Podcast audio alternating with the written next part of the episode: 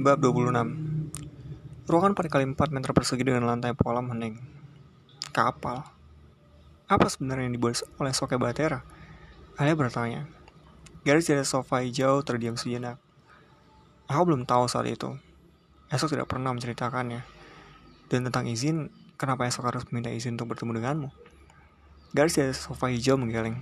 Aku juga tidak tahu saat itu. Aku berasa Aku baru tahu setahun kemudian, enam bulan lalu. Ella meletakkan tablet di tangannya sejenak memperbaiki posisi duduk. Dia teringat berita yang ramai dibicarakan di televisi 24 jam terakhir. Apakah semua ini ada kaitannya dengan pengumuman penting yang akan dilakukan pemerintah besok? Pukul 7. Tentang proyek kategori 1. Garis di atas sofa hijau diam hampir 2 menit. Ella menahan napas menunggu jawaban. Gadis itu akhirnya mengangguk perlahan. Astaga. Ella menutup mulutnya. Dia pikir dia telah memahami benang merah semua cerita, tapi dengan konfirmasi gadis di atas sofa hijau barusan, dia sama sekali tidak bisa menebak ke mana kisah ini akan berujung. Apa yang terjadi setelah acara wisuda itu, Leo? Ella bertanya tidak sabaran. Dia telah melupakan tugasnya yang hanya fasilitator perantara bagi Bando Logam. Dia menunggu kelanjutan ceritanya. Itu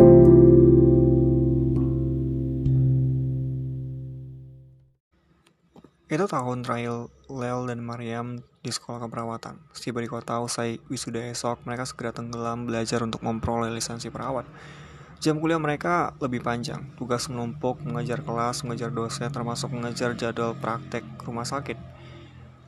Sopil bus rute 12 dan 7 yang sering mereka naiki, hafal dengan dua penumpang berseragam oranye yang sering bertengkar. Ribu di atas bus, lalu Mariam tidak bisa menghilangkan kebiasaan buruk mereka soal bertengkar itu. Nilai-nilai sekolah mereka bagus, semua berjalan lancar sepulang dari ibu kota, kegiatan organisasi relawan praktis berhenti. 6 bulan setelah cuaca pulih, hanya tersisa sedikit daerah dengan kategori membutuhkan bantuan. Relawan lebih banyak menghabiskan waktu di markas mengikuti briefing, pelatihan, dan pelatihan tanpa henti. Aku bosan hanya ikut pelatihan. Mariam yang komplain pertama kali kepada petugas yang dulu menyelesaikan menyelesainya masuk. Sebenarnya jika kamu bersedia, masih banyak kesempatan untuk bertugas di lapangan, Mariam. Oh ya? Apa? Apa itu? Mariam semangat. Di kolam air mancur misalnya. Kamu bisa menjadi relawan yang melayani turis-turis. Kamu bisa membantu turis yang tersasar. Di halte-halte, membantu orang tua naik ke atas bus kota. Atau di sekolah anak-anak. Mereka butuh relawan yang menjaga saat mereka menyeberang jalan. Kamu bisa melakukannya. Itu hanya gurauan petugas, karena bosan selalu ditanya tentang penugasan. Peserta latihan di dalam ruangan tertawa melihat wajah masa Mariam. Besok kita jadi pergi ke toko kue, Lel. Mariam menjajari langkah Lel sepulang dari markas organisasi relawan. Ya, Lel mengangguk. Mariam riang mendengar jawaban Lel. Mereka berdiri menunggu bus kota rute 12 di halte. Ini aneh sekali. Lel bergumam. Apa yang aneh? Kamu ingat tidak? Kita mendaftar di organisasi relawan setelah kamu bilang bosan mengias kue-kue. Sekarang kamu semangat sekali pergi ke toko kue setelah bosan tidak pernah ditugaskan di lapangan.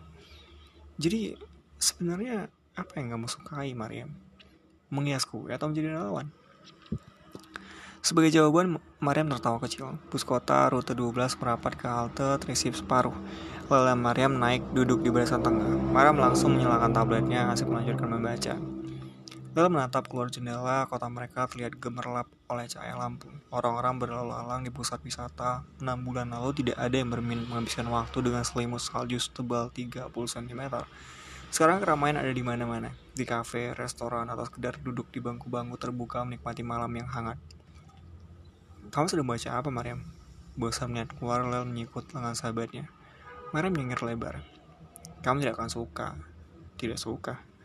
Iya, ini kumpulan kutipan tentang cinta. Maram tertawa kecil. Bacakan beberapa untukku. Hei, kamu tidak akan suka, loh. Bacakan saja. Oke. Kamu yang memintanya. Tanggung sendiri resikonya ya. Jemari Mariam menggeser layar. Sebentar, akan aku carikan beberapa yang menarik. Um, nah, yang satu ini. Mariam menghentikan gerakan jemarinya. Ada orang-orang yang kemungkinan sebaiknya cukup menetap dalam hati kita saja tapi tidak bisa tinggal dalam hidup kita. Maka biarlah begitu adanya. Biar menatapi hati diterima dengan lapang. Toh, dunia ini selalu ada misteri yang tidak bisa jelaskan. Menerimanya dengan baik justru membawa kedamaian. Indah bukan? Mariam tersenyum. Lalu dia lalu dia tertawa menatap wajah yang, yang mendadak berubah. Uh, atau yang satu ini, kamu dengarkan baik-baik. Mariam kembali melihat layar tabletnya. Bagian terbaik dari jatuh cinta adalah perasaan itu sendiri. Kamu pernah merasakan rasa sukanya, sesuatu yang sulit dilukiskan kuas sang pelukis. Sulit disulam menjadi puisi oleh pujangga, tidak bisa dijelaskan oleh mesin paling canggih sekalipun. Bagian terbaik dari jatuh cinta bukan tentang memiliki. Jadi, kenapa kamu sakit hati setelahnya? Kecewa, marah, benci, cemburu. Jangan-jangan karena kamu tidak pernah paham betapa indahnya jatuh cinta. Kamu sedang menyindir, Mariam. Lel melotot. Merah menepuk dahi. Tidak ada yang menyindirmu, Lel. Kamu sengaja kan mencari kutipan yang menyindirku. Aku sudah memperingatkanmu tadi. Kamu tidak akan suka. Maram tertawa bergegas pindah tempat duduk, menjaga jarak sebelum sopir bus kota menurunkan mereka karena membuat keributan. Sebenarnya sepulang dari menghadiri sudah esok, Mariam tidak pernah menggoda Lel secara langsung lagi. Mariam tahu tanpa digoda saja enam bulan terakhir, Lel lebih sering melamun di kamar di ruang kuliah di bus kota. Mariam sebenarnya ingin membantu membesarkan hati teman sekamarnya, tapi lalu kembali tertutup soal esok. Enggan membicarakannya sedikit pun. Bus kota rute 12 terus melaju di jalanan, lalu kembali menatap keluar jendela. Apa kabar esok? Apa yang sebenarnya sedang dilakukannya di ibu kota? Lal tahu ada sesuatu yang dirahasiakan esok darinya. Apakah itu tentang pekerjaannya atau perasaannya? Apakah esok juga merahasiakan hal itu kepada keluarga angkatnya? Kepada ibunya? Dulu saat di tenda pengungsian setiap malam saat duduk di tribun atas stadion, mereka selalu menceritakan apa pun sepanjang hari. Tidak ada satupun yang ditutupi. Apakah esok sekarang telah berubah? Apakah dia menyukai gadis lain di luar sana? Menyukai Claudia? Mungkin sudah waktunya dia mulai belajar melupakan esok. Enam bulan berlalu, itulah yang membuat Lels lebih sering melamun.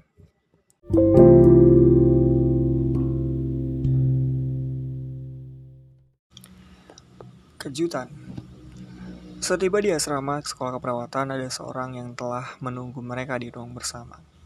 Mariam berseru, berlari mendekat. Selamat malam, Mariam Leo. Ibu Suri menyapa mereka lebih dahulu. Ibu sudah lama menunggu, Mariam bertanya. Mereka berpelukan hangat. Baru lima menit, ibu tidak akan lama. Ibu Suri mengeluarkan amplop dari sakunya. Minggu depan panti sosial mengadakan acara makan malam untuk donatur. Kalian berdua diundang. Donatur? Lalu Mariam tidak mengerti. Mereka tidak pernah menjadi donatur. Setahun lalu, kalian berdua memberikan seluruh uang dari penghargaan organisasi relawan.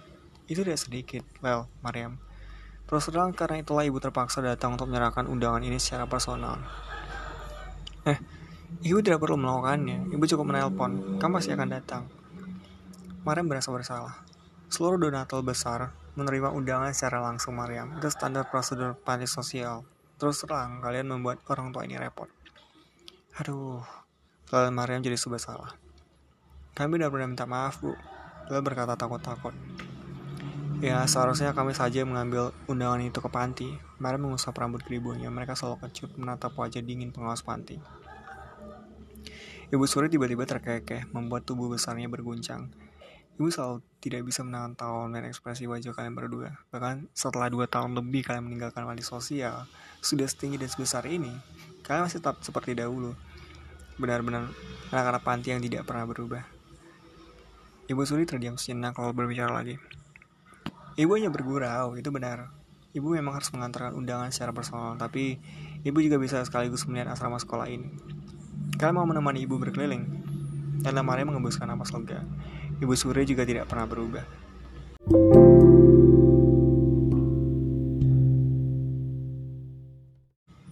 Keesokan paginya mereka berangkat menuju toko kue. Ada banyak pesanan yang datang. Setiba di sana mereka mengerjakan enam kue tar sekaligus.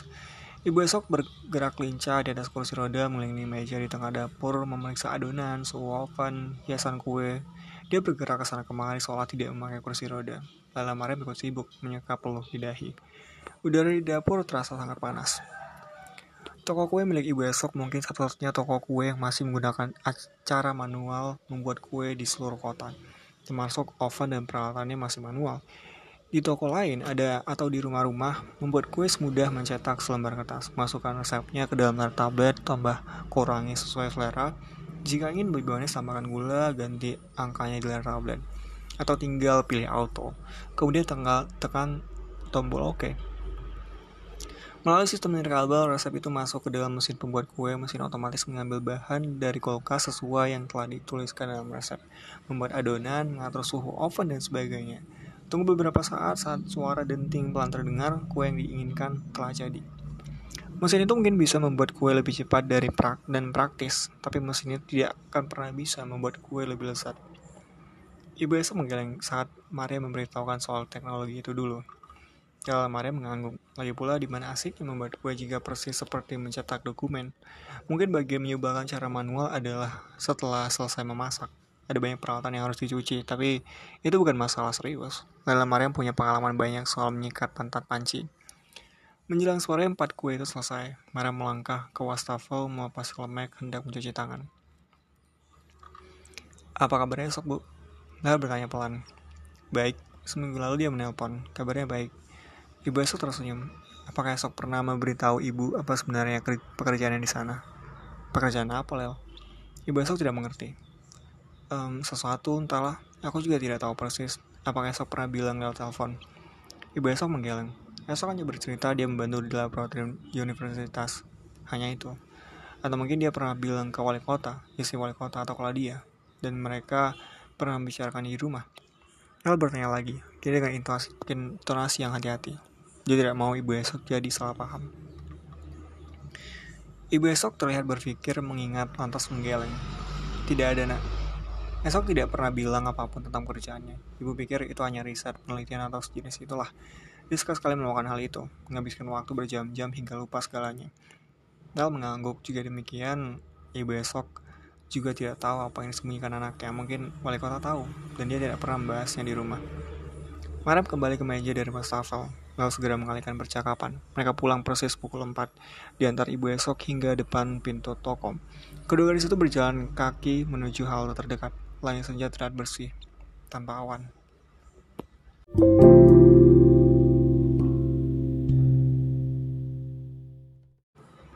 Enam bulan terakhir, saat Lel terus bertanya-tanya banyak hal tentang esok kondisi langit bersih yang selalu tanpa awan juga menjadi pertanyaan besar semua orang.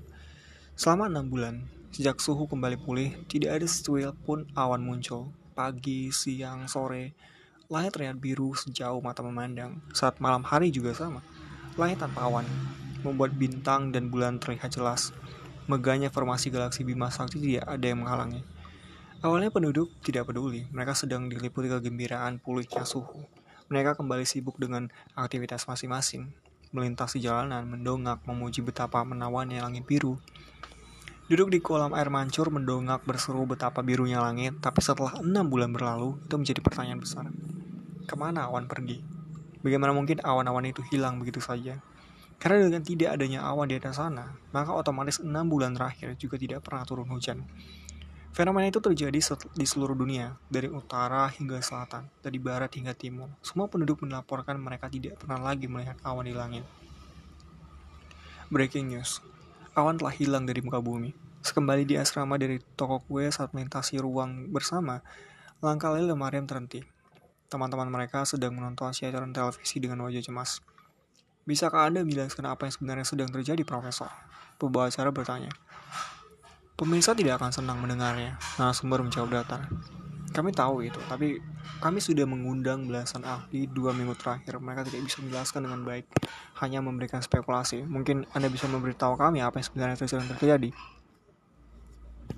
Awal kepunahan manusia. Narasumber menjawab dingin. Studio tempat siaran langsung itu lenggang. Pembawa acara menelan ludah, penonton di rumah, termasuk di ruang bersama asrama sekolah, terdiam. Awal kepunahan manusia. Apakah saya tidak salah mendengar? Tidak. Telinga Anda tidak salah dengar. Kita sudah memulainya sejak seluruh negara berlomba-lomba meluncurkan pesawat ulang-alik. Seluruh pemimpin negara memutuskan mengintervensi lapisan stratosfer. Apa yang kita dapatkan? Iklim memang pulih dengan dalam jangka, jangka pendek. Semua orang tertawa melihat kentang kembali tumbuh, apel terhidang di meja, telur ayam, susu segar, semua melimpah. Lantas kenapa? Kita justru menggali lubang hitam. Semua negara keras kepala hanya mementingkan diri sendiri. Mereka lupa. Miliaran ton anti gas sulfur dioksida adalah sama saja gas lain yang dituangkan ke lapisan stratosfer. Gas diatasi dengan gas. Itu lucu sekali. Maka inilah akibatnya. Enam bulan berlalu, kerusakan besar telah dimulai. Narasumber terdiam sejenak, menyisir rambutnya dengan jemari. Tapi kenapa belum ada keterangan resmi dari pemerintah soal ini? Tentu saja belum. Pusat Penelitian Iklim belum berani mengonfirmasinya. Mereka masih cemas melihat data-data hasil observasi, tapi saya bisa mengumumkan lewat acara ini ke seluruh negeri. Kita harus membayar mahal sekali atas musim semi 6 bulan terakhir. Lapisan stratosfer rusak, juga lapisan di bawahnya, troposfer. Antigas sulfur dioksida telah membuat proses pembentukan awan terhenti. Siklus air terputus. Hanya soal waktu, secara resmi pemimpin di seluruh dunia akan mengumumkan bahwa hujan tidak akan turun lagi di bumi hingga waktu yang tidak diketahui. Tubuh Maria mematung menyimak percakapan di layar televisi. Tangannya mencengkram lengan Lel sebelahnya. Hujan tidak akan turun lagi.